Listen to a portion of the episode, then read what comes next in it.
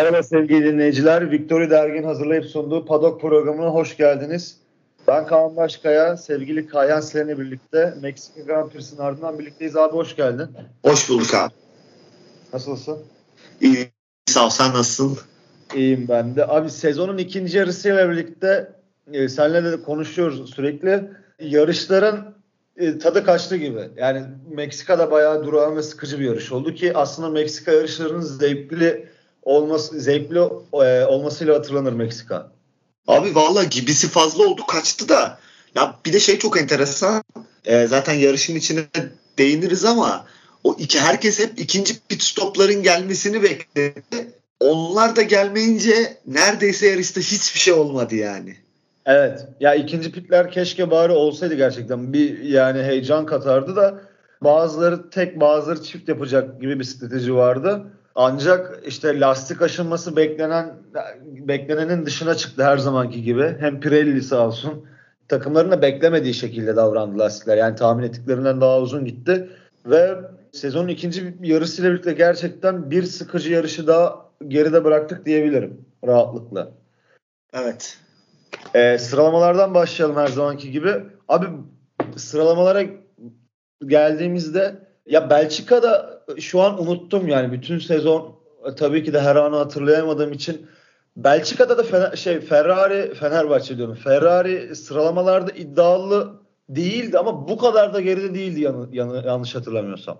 Yok abi zaten yani şöyle bir olay var. Yani sonuçta orada Sainz ikinci, Lökler dördüncü olmuştu. Evet. Yok orada yani, Leclerc de ceza almıştı. Yani dördüncü oldu ama ceza aldı ama Tamam yani cezası vardı evet ama hani yani sonunda yani dördüncü bitirdi manasında söyledim evet, ben. Evet evet.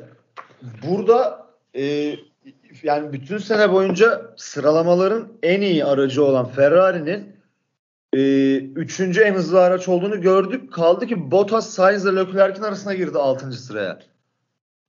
Ee, abi şöyle senle de konuşmuştuk bunu. Bu rakımdan dolayı burada e, Ferrari'nin geride aslında geride kalması bekleniyordu. Hani çok sürpriz olmadı sadece bu kadar fark sürpriz oldu.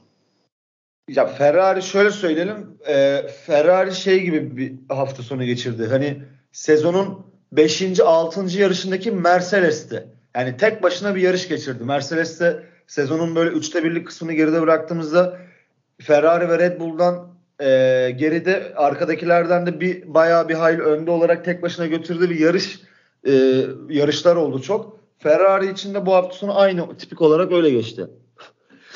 Evet yani abi, yani şöyle söyleyelim Sainz Verstappen'den Q3'te yaklaşık 0.7 civarında bir fark yedi. Çok çok fazla fark vardı. Yani diyorum ya Belçika'da da e, geridelerdi. Yani net Ve, geridelerdi. Ancak burada yani Leclerc yanlış hatırlamıyorsam 0.8 gibi bir farkla geride kaldı. Evet ve şöyle söyleyelim sezonun ikinci yarısında dahil hani Red Bull'un yarış temposunda da Ferrari ile aradaki farkı açtığı dönemde dahi Ferrari polleri alıyordu. Evet, evet, evet. Yani tek turda her zaman yani bu sene her pistte favori Ferrari'ydi. Zaten alamadığı bir iki yarış oldu. Yani Verstappen'in kazandığı. Bir de Perez'in sürprizi var bir tane. Suudi Arabistan'da. Evet. Ondan sonra onun dışında zaten hep Ferrari kazandı e, polleri. Ama burada biraz geride olmaları bekleniyordu. Sadece fark çok şeydi. Zaten yarışta da hiç o rakımdan dolayı tempoya ayak uyduramadılar. Ya abi sanırım bir şey söyleyeyim mi sana? Dinliyorum. Yani önümüzdeki 15 yıl boyunca e, bütün Meksika yarışlarını Red Bull kazanabilir ha. Olabilir. Ya geçmiş sene şimdi bu seneki araçların konseptleri tamamen farklı. Yani e, araçların nasıl tepki göstereceği burada e, herkes için büyük bir bilinmeyendi ve herkes için büyük bir e, veri toplama e, yarışı da olacaktı aynı zamanda. Gelecek senelerde mesela e, yarış tahminlerinin e, daha e, daha e, iyi olacağını düşünüyorum. Yani çünkü bu konseptle Meksika ilk defa gelindi ve Meksika'daki rakımdan dolayı e, daha önceki senelerde de bildiğimiz üzere araçların farklı tepkiler gösterdiğini biliyoruz. Mesela sene boyunca sıralamalarla ilgili çok büyük sıkıntı yaşayan e, ve düzlük hızıyla ilgili büyük problem yaşayan Mercedes rakımdan dolayı hava yoğunluğunun azalması sebebiyle hani sürüklenme minimum seviyeye indi. Havayı delmek dediğimiz hani dümdüz giderken delmek diye tabir ettiğimiz şey oksijen azaldıkça havaya e, delmek daha kolay bir hale geldiği için Mercedes çok daha rekabetçi bir hafta sonunu geride bıraktı. Nitekim e, Russell 2, Hamilton 3 oldu ama Red Bull'un bu seneyle birlikte hani bir büyük bir bilinmezlik var dediğimiz bir noktada da geçmiş senelerde Mercedes'in ne kadar üstün olduğunu hatırlıyoruz mesela ama Red Bull Meksika'da turbodan dolayı ondan ürettiği motordaki turbonun büyüklüğünden dolayı hep iddialı oldu ve Verstappen burada da ikinci en yakın rakibiyle Russell'la 0.3 saniye fark atarak poli aldı. Abi bak sana şöyle söyleyeyim e, dinleyicilerimiz de hatırlar muhakkak. Hani Mercedes'in domine ettiği yıllarda Meksika yarışı yapılmaya başlandığından beri mesela şöyle düşün. Mesela Ferrari net bir üçüncü araç olduğu sezonlar da var. Evet. Yani Mercedes'in bayağı gerisinde kaldığı dönemler var. O dönemlerde dahi mesela Red Bull çok ön plana çıkarken Meksika'da Ferrari Mercedes'le aynı tempoyu falan tutturuyordu. Evet. Yani Vettel'in mesela Verstappen'e kıl payı bir olaylı birbirlerine şey yaptığı sezon var. Bir yarış var. Mesela hani burada her zaman e, normalden daha farklı araç görüntüleri görebiliyoruz yani. Araçların performansı çok değişkenlik gösterebiliyor Meksika'da. Evet. Kaldı ki Russell son turunda hata yapmasaydı iyi bir dereceyle geliyordu. Ama e, yani Verstappen'in derecesi yine pek ulaşılabilir bir derece gibi değildi. Nitekim, Yok alamazdı Russell Paul. Russell'ın Russell mühendisi bile söyledi yani. Hani üzülmene gerek yok. Ulaşılabilir bir e, hedef değildi bizim için. Çok zordu diye. Ama e, yani tabii ki de sürücü orada turu tamamlayamadığı için kendi içine dert yandı ama e, sıralama turlarının genel olarak böyle böyle olarak e, böyle anlatabiliriz. Norris 8. Alonso 9 ve 10 Ocon olarak ilk 10'u tamamladılar. Abi yarışa gelirsek yani yarışla ilgili e, lastikler üzerine biraz konuşabiliriz ama yani yarışın geneline baktığında bir tek startta Perez'in Russell'ı geçmesi e, Mercedes'in strateji anlamında elini kitlemek anlamında önemli bir hamle oldu ama onun geri kalanında yarışa baktığımızda çok düz bir yarış oldu aslında. Yani yarışa dair çok konuşulacak bir şey e, olduğunu söyleyemem. Abi sadece şöyle dediğin gibi startta Perez'in geçişi var.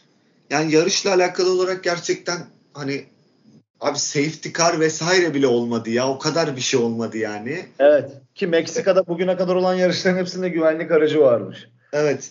Ee, sadece şunu konuşabiliriz bence yarışla alakalı olarak. Aslında en önemli kısım oydu.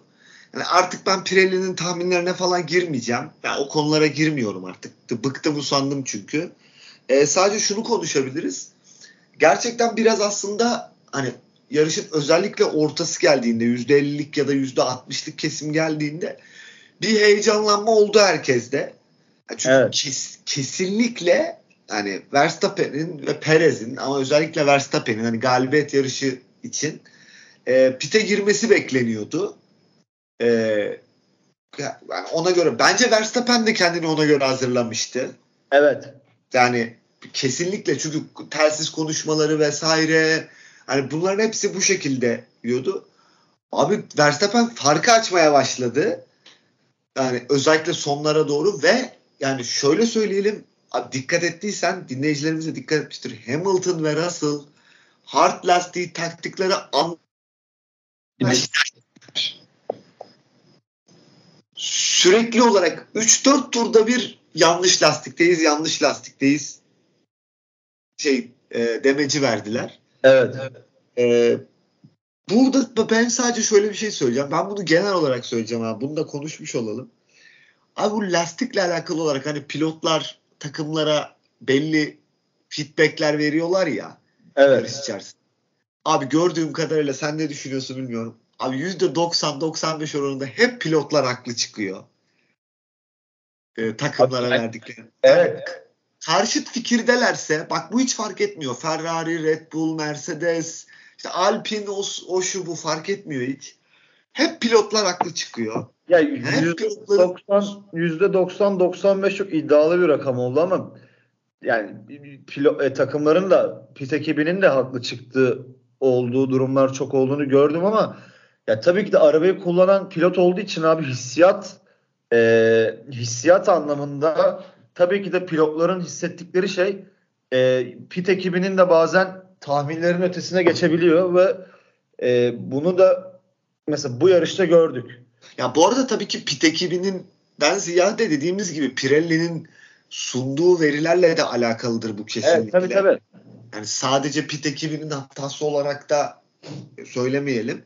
E, Pirelli de sonuçta bir strateji veriyor veya lastik aşınmasının e, verilerini sunuyor takımlara. Takımlar bunun ışığında şeyler yapıyorlar. Artık da bir takımlar alışmıştır ama e, hani hiç beklenmedik bir biçimde lastik ve abi hani medium o kadar iyi gözüktü ki herhalde evet. bir 10 tur daha falan olsa Verstappen 10 tur daha giderdi.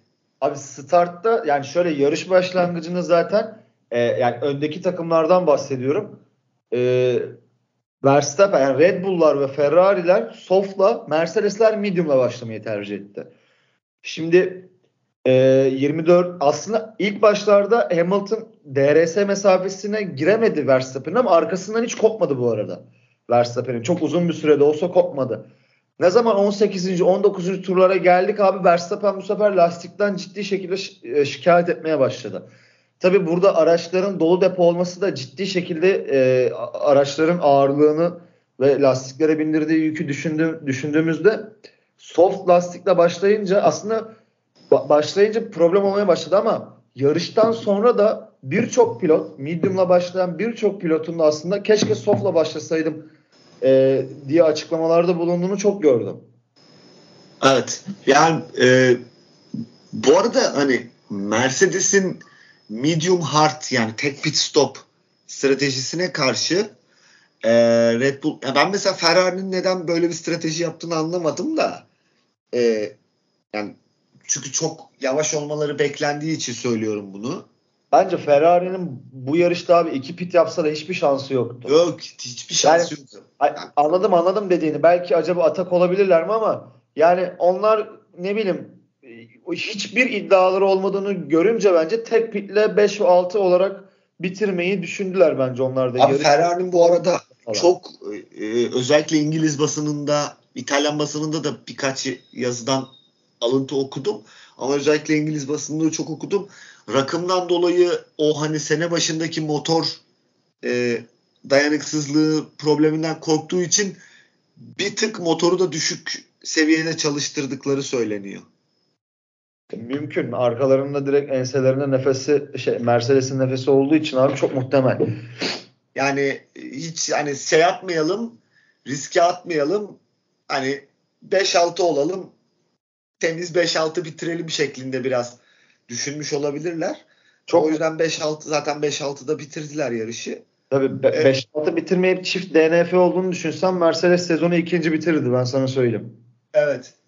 Ee, devamında işte dediğimiz gibi yani Max'in ve Perez'in pit stop yapmayı daha doğrusu zaten son 10, 15 tur kala falan pit stop yapmayacağı anlaşıldı artık. Evet. İkisinin de. Yani çünkü yavaş yani çünkü 7-8 saniye civarında olan fark yavaş yavaş 11, 12, 13 hatta yarış 15.1 ile bitti. Gerçi yani tabii son turlarda belki Hamilton'da gaza basmayı kesmiştir ama e, sonucunda hani Verstappen rekoru da kırarak ona da değinelim. Evet. evet. E, çok rahat bir yarış kazandı. E, ben yarışla alakalı olarak sadece hani dediğim gibi ön taraflarla alakalı çok söylenecek bir şey yok. Hem zaten günün sürücüsü seçildi ve bence de öyleydi. Cezasına rağmen çok sürprizler Ricardo yarışta konuşulabilecek isim. Evet evet Ricardo konuşulabilir. Ben Ricardo'ya gelmeden önce e, bir yazı okudum. John Palmer'ın e, bir yorumunu okudum aslında. E, ona bir değinmek istiyorum. Abi Mercedes'in e, bu sene iki kere falan yarış ayağına geldi. Aslında Zandvoort'ta geldi Hollanda'da ama e, orada bence gerçekten yarışı kazanmaya adaylardı ama güvenlik aracından dolayı şanssız bir şekilde iddiaları gitti. E, bir önceki yarış bir önceki yarış e, Amerika Amerika'da da ciddi şekilde şansları vardı. Ancak e, lastik tercihinden dolayı yine hard seçtiler orada da. Ve orada evet. lastik tercihinden dolayı yani tabii lastik tercihinden dolayı mı kaybettiler yoksa nefesleri mi yetmedi bilmiyorum. Abi bu arada bir şey söyleyeceğim sana. Bak Bilmiyorum. Bir, bir yandan da soracağım. Mercedes bu yıl lastik seçimlerinde çok inanılmaz muhafazakar davranıyor. Evet, evet, evet. Hep böyle şey yani tek ben bit de. Aynı, hard'ı aynı takalım. Tek bit hard'ı takalım. Hiç hani sorunsuz şey yapalım. Hani mesela hani bu konuda e, şey görüyorum ben birazcık.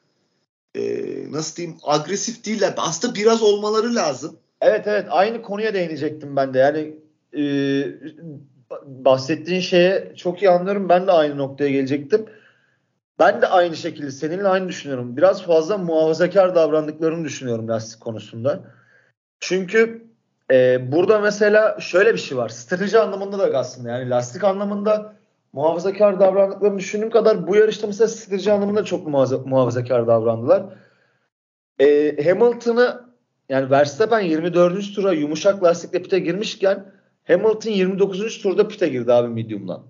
Şimdi Hamilton'ın pite girmesinin arkasında yatan sebep 24. turda Perez pite girdiği için e, Perez'e pozisyon kaybetme olasılığı vardı. Yani belki sallıyorum medium'larla çok uzun bir stint atsaydı Perez'in arkasına çıkacaktı ve Perez'e geçmek için uğraşacağı sürede belki de Verstappen hedefinden tamamen e, çıkmış olacaktı. Yani bu bir nevi anlaşılabilir ki ben bu riski alır mıydım? Yani kaybedecek bir şeyim yok abi. Çok taze lastiklerle Hamilton'ın e, Perez'i geçebileceğini düşünüyorum açıkçası ama bence kesinlikle geçerdi ya. Tabii ben yani ben hani tabii ki de veriler oradaki pite gibi bizden çok daha donanımlı, çok daha e, iyi biliyorlar yani ama hani mantıksal olarak bunu büyük ihtimalle risk etmek istemediler. Perez'in arkasına düşürmek.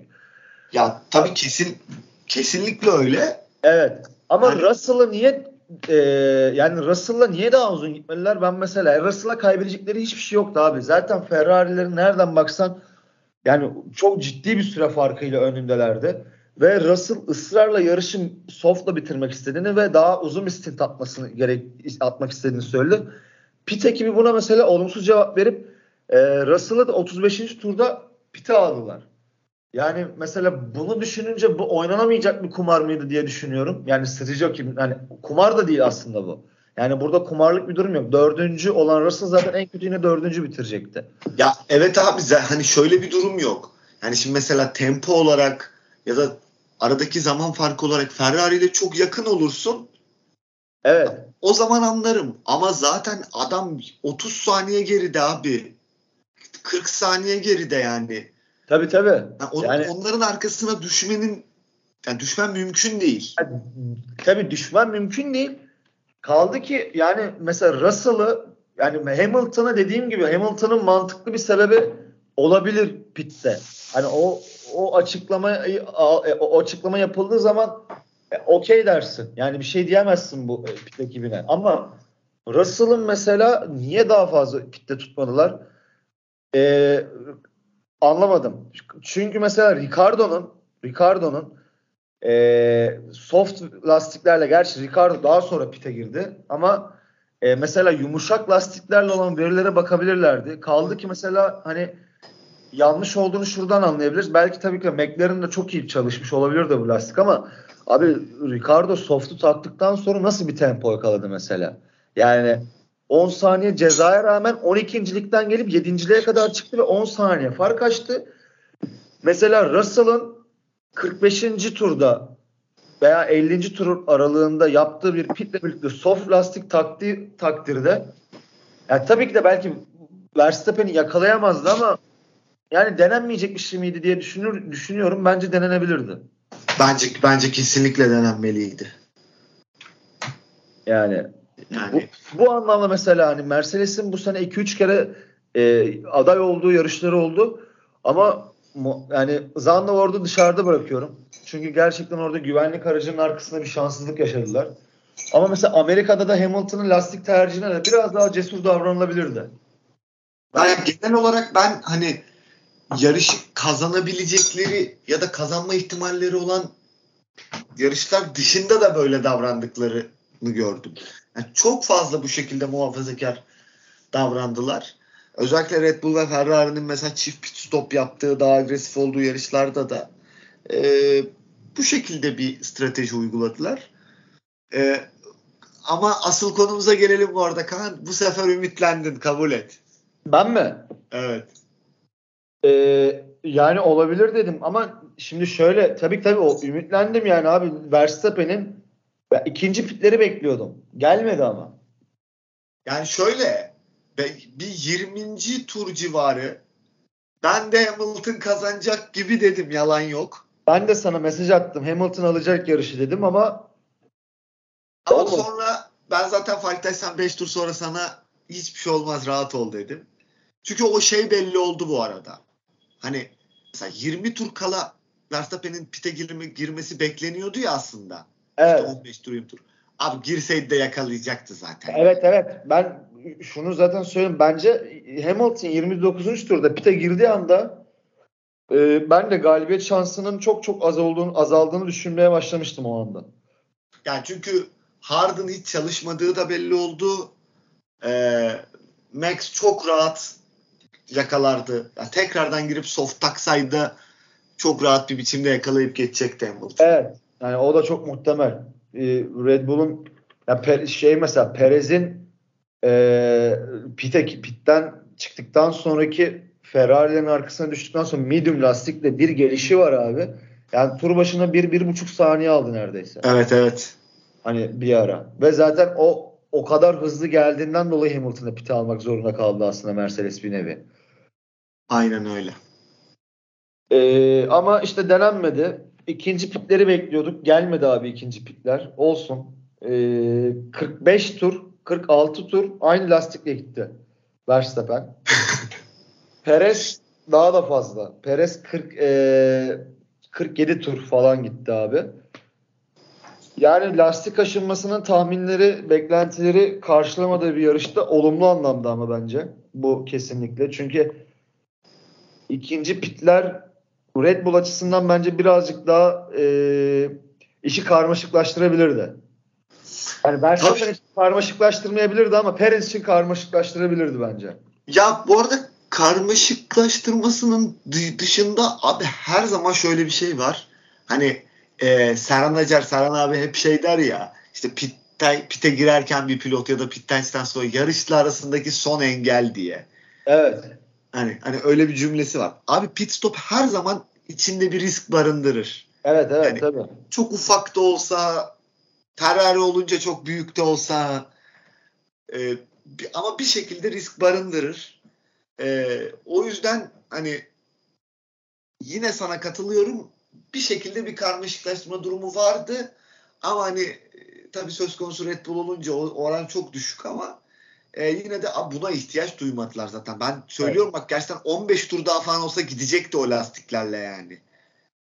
Evet evet. Çok rahattı yani. inanılmaz rahattı. Hocam e, şey araç çok iyiyken strateji yapmak da rahat oluyor yani. Evet. Mercedes senelere bakıyorum da yani anladın mı? Mercedes de pit ekibi gerçekten başarılı yani. Hani Red Bull'dan sonra bence en iyi pit ekibi. Ama e, yarış kazandıkları turbo hibrit çağındaki dönemle şu bu sene yaptıkları stratejilere bakınca tabii ki de rahatlık olarak aynı seviyede değiller. Abi ya bu şöyle bir şey Red yani. Mesela, Red Bull için aynı şeyi söylüyorum. Red Bull yine çok rahat pit strateji yapıyor. Çünkü araçları çok hızlı. Abi aracın çok hızlıysa, aracın en hızlı araçsa tabii ki de strateji yaparken daha rahat oluyorsun. Yani bu çok büyük bir avantaj. Ama Red Bull geçmiş senelerde de en hızlı araç olmasına rağmen çok cesur kararlar alınmasıyla bilinen bir ekibi zaten takım. Kesinlikle. Ve bunun da karşılığını genellikle alan bir takım. Yani bu arada şöyle bir olay var. Hani mesela Mercedes'in dominasyon yıllarında şimdi mesela geçen sene Red Bull şampiyon oldu. Yani daha doğrusu takımlarda değil. Verstappen şampiyon oldu ama ee, işte bu yıl biraz hani domine etti diyebiliriz. Ya, diyebiliriz değil bu arada etti. Etti. Ee, tamamen ilk sezonun ilk başında performans olarak olmasa da sonuç olarak etti diyelim. Ee, Red Bull bu arada her zaman seninle konuşuyoruz. Pit ekibi olarak her zaman çok En iyisi. iyiydi. Yani her zaman bence de en iyisiydi. Ama şöyle strateji başka bir şey. Yani o pite girmek dışında bambaşka bir şey.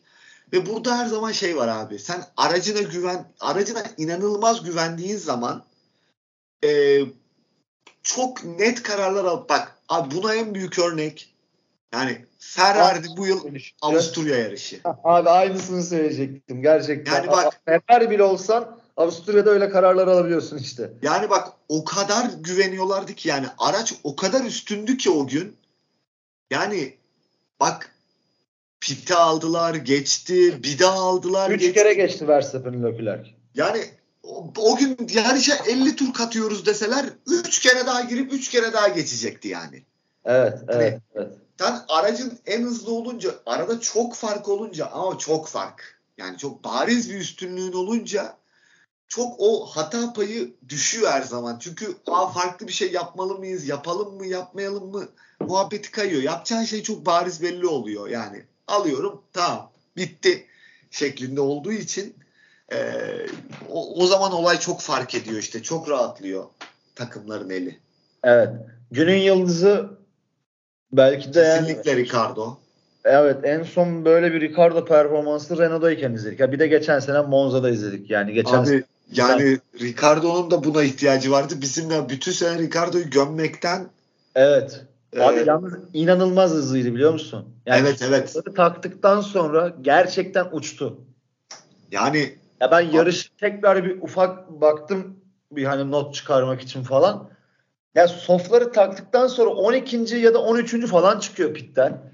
Abi sonra herkes tek tek ayıklamaya başlıyor. Sonra 10 saniye ceza alıyor. O konunun üstüne 10 saniye, 12 saniye, 11,5 saniye fark açıyor. Herkes ayıklıyor. yok bu- yani şey ha bu arada muhteşem bir yarış geçirdi diyecektim. Aklıma yaptığı dangalaklık geldi. E, o yüzden demiyorum. Ama hani onun dışında mükemmel bir yarış geçirdi yani. Evet, evet. Ocon 8 bitirdi abi. Ee, 4 Evet. puan aldı ve 9. sırada Norris, McLaren'lar e, 4 puan fazla aldılar burada Alpinler ve 10. sırada Bottas. Şimdi sana e, şeyle geleceğim. Birazcık daha böyle bir magazinsel bir tarafla. Yani magazinsel dediğim bir olaydan aslında olaydan dolayı değil bir durumdan dolayı. Abi Alonso'nun aracında gerçekten bir şey mi var ya? Yani bil- acaba bu zaten gidiyor lan biz bunu iyice sepetleyelim falan mı? Artık böyle şeyler demeçler de birazcık e, Alonso zaten sivri dilli demeçlerle birazcık sivrileşmeye başladı. Alonso geçen gün işte bir tane röportaj izledim mi işte gitmek için gün mü sayıyorsun gibi hani zaten son iki yarış kaldı. Abu, Abu Dhabi'ye gidip sonra evime gideceğim falan diyorlar diyor. Sonra diyor ki ayrılmak için hani bir gün mü sayıyorsun işte sabırsız mısın falan evet diyor böyle adam direkt. Ya abi ya şöyle söyleyeyim tabii ki şu anda böyle demesi Alonso'nun normal. Yani bu komplo teorilerinin dışında hani araçta bir şey vardırın dışında da ya sonuç olarak şöyle Alonso bireysel olarak iyi performans sergilediği bir sezonda bence. Ama çok saçma abi yani puan tablosuna baksan hiç iyi değil dersin. Abi kaç kere DNF oldu Ama, Alonso? bu, ama işte yani, yani tabii ki de şimdi bilmiyorum böyle bir bu dediğim gibi magazinsel bir yanıyla yaklaştım şu an olaya da. Abi hep Alonso'nun aracında oldu gerçekten ya. Ve bütün Ben- şanssızlıklar gerçekten Alonso'yu buldu. İnanılmaz yani. Bir şey söyleyeceğim ama bak farkındaysan yani hafızanı zorla Ferrari'deyken de bu böyleydi Alonso'ya. McLaren'deyken de böyleydi abi. Yani ben hep söylüyorum ya abi adamda bir basiretsizlik var. inanılmaz bir şey var böyle. Mekanikerler de mi sevmiyor acaba bu adamı? Yok oğlum gerçekten yani bir yerde okudum. Yani bir yerde okudum mu bir, birisi bir demecinde söylemişti. Fernando Alonso ile takım yok bir mühendis ya. E, adını unuttum hangi takımdı. Yani işte Hamilton'la galiba Alonso'nun McLaren döneminde biliyorsun e, mühendislerle farklı yani pilotlarla çalışan mühendisler var. E, her pilotun bazen kendine özel ayrı, ayrı mühendis e, şeyle şefleri de oluyor. Ve e, o zaman birisi söylemişti. Yani o zaman dediğim yakın zamanda da o zamanla ilgili. E, iki pilotun da kendi mühendis ekibine davranış biçimi veya garajın içindeki mühendislere olan davranış biçimlerini ve etraflarını toplama şekilleri olarak e, yan, yanlış şu an çok da iyi hatırlamıyorum ama Alonso galiba orada bir şey bir demeç vardı abi. El altından zarfla para falan veriyormuş böyle mühendislere falan yani. Ya abi Alonso'nun yani pek sevilmediği malum yani genel olarak şeyden izleyicilerden bahsetmiyorum. Genel F1 camiasında e, çok inanılmaz sevilen birisi değil.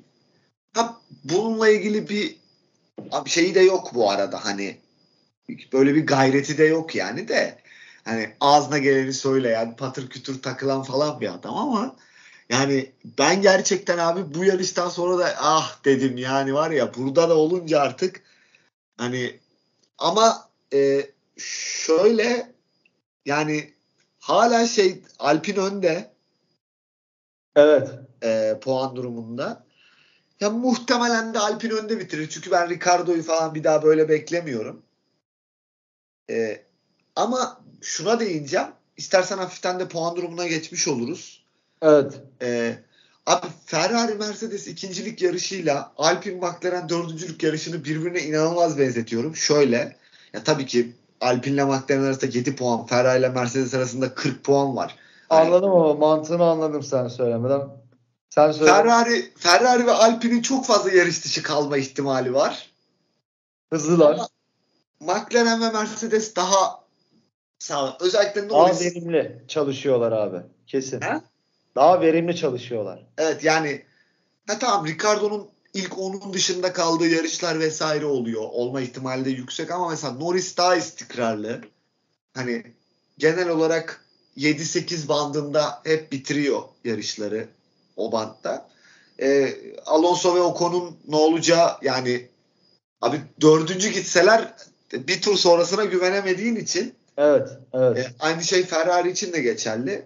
E, Alpine McLaren son yarışa kalır. Ya Ferrari Mercedes de bu arada son yarışa kalabilir ama bu Ferrari yarış dışı kalırsa olur ancak.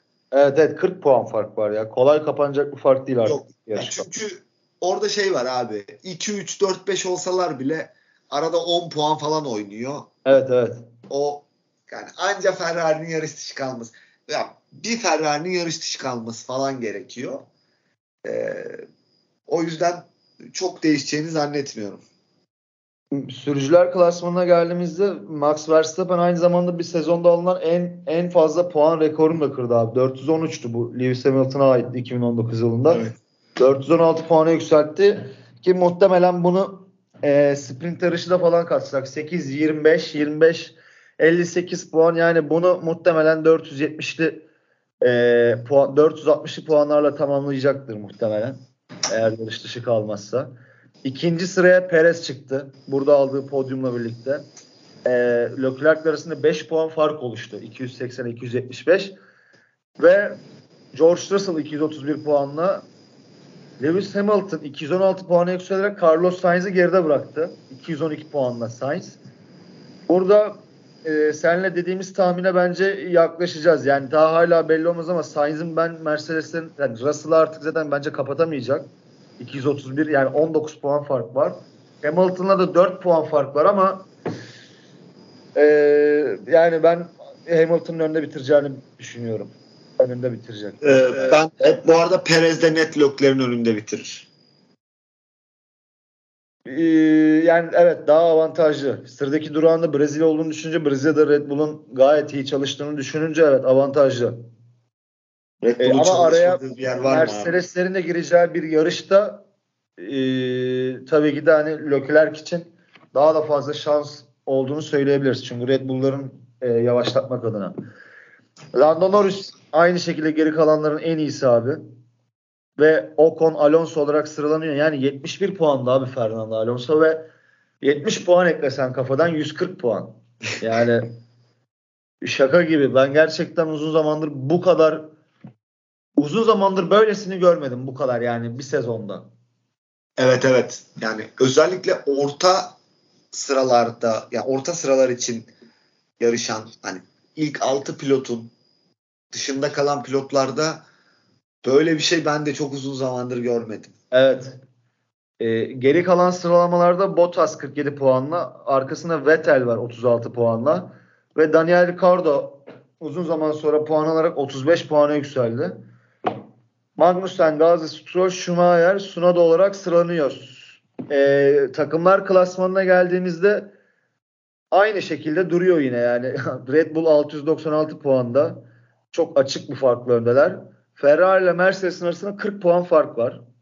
Ve e, ben bunun sonuna kadar gideceğini düşünüyorum. Senin aksine gerçi bilmiyorum Brezilya'da çok fazla e, düzlük hızının önemi var. Alpin orada büyük ihtimalle çok avantajlı olacaktır ama yani Brezilya değil de başka bir yer olsaydı 50-50 derdim. E, Alpin McLaren'a belki ama Alpin önde kapatacaktır. Arada 7 puan fark var. Bence de.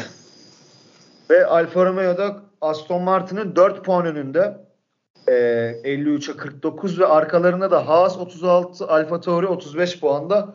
Aslında sezonun son yarışları arkadaki dörtlü içinde yani 6'dan 10'a kadar. Herke aynen her sıra 4 5 5 4 5 6 7 8 9 kendi arasında acayip bir yarış içinde abi.